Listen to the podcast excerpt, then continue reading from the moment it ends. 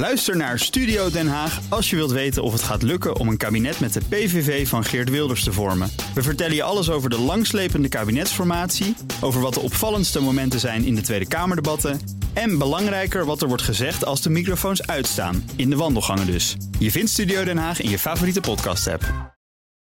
Toet toet, autonieuws met Nout Broekhoff van de Nationale Autoshow. Goedemorgen Nout. Goedemorgen. We beginnen met een Nederlandse taxivloot op... Waterstof. Nou ja, Echt waar? we komen die een beetje een eindje dan? Nou ja, ze komen een heel eindje, maar waar je gaat tanken, Nou, dat is het dat bedoel ik. Ja. voor het eerst in Nederland, eh, in Den Haag, de Toyota Mirage is daar eh, uitgekozen om eh, ja, het vervoer te verzorgen. Het WMO-vervoer, zoals ze dat zeggen. Het Wet Maatschappelijke Ondersteuningsvervoer. Jaarlijks eh 15.000 klanten. 35 exemplaren gaan rondrijden in Den Haag. Allemaal op waterstof. Allemaal op waterstof. En daarmee is de afzet van waterstof in Nederland met 150% gestegen. Ja.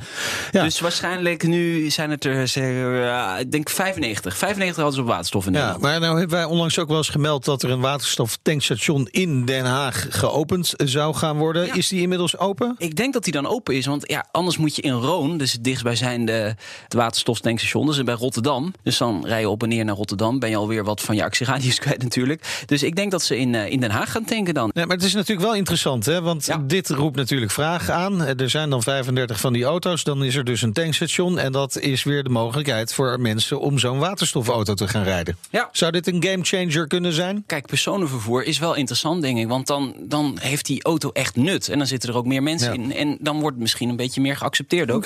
Ik zie net dat op het Brinkhorstlaan 100 in Den Haag zit een waterstoftankstation. Kijk aan. Hey. Nou, gaan we daar een keertje langs.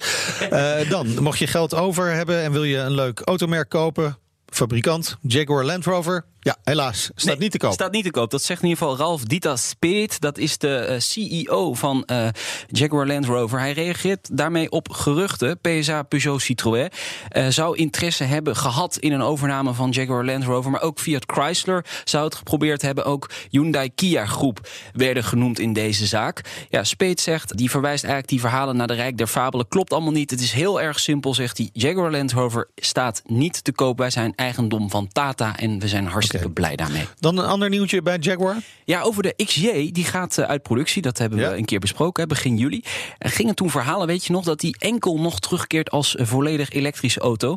Dat wordt nu ontkend. Eh, De XJ wordt wel elektrisch, vermoedelijk met een actieradius van 470 kilometer. Maar het model zal ook gewoon verbrandingsmotoren krijgen, inclusief een zescilinder benzinemotor. Fijn.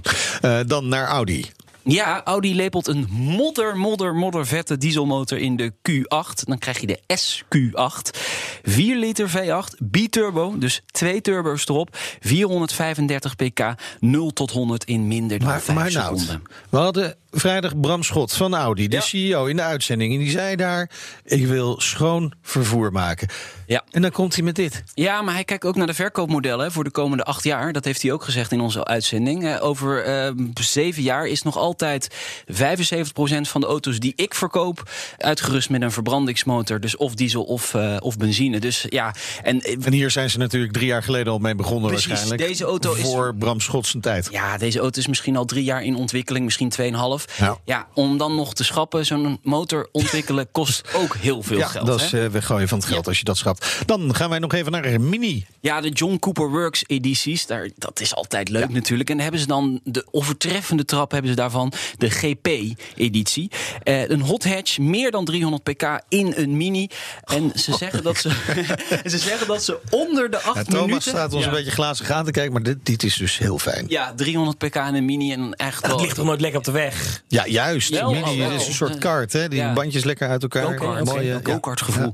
En eh, ze zeggen onder de acht minuten op de Nürburgring. Voor een hot hatch is dat echt onwijs snel. Oh. En ze gaan een gelimiteerd maken. 3000 exemplaren, dus je moet er waarschijnlijk snel bij zijn. Wellicht zijn ze al verkocht, onderhands. Maar Ja. ja. Nou ja, Wel leuk. Wel, ik vind het wel leuk dat Mini ook dat soort eh, zaken blijft doen. Want er komt natuurlijk ook een elektrische Mini. hè. ja, willen we ook wel testen. Maar Ja. eerst die... Eerst deze. Precies. Dankjewel, Nout. Bij BNR ben je altijd als eerste op de hoogte van het laatste nieuws. Luister dagelijks live via internet. Bas van Werven. En heel langzaam komt de zon op rond dit tijdstip. Je krijgt inzicht in de dag die komt op BNR, het Binnenhof in Nederland en de rest van de wereld. De Ochtendspits. Voor de beste start van je werkdag. Blijf scherp en mis niets.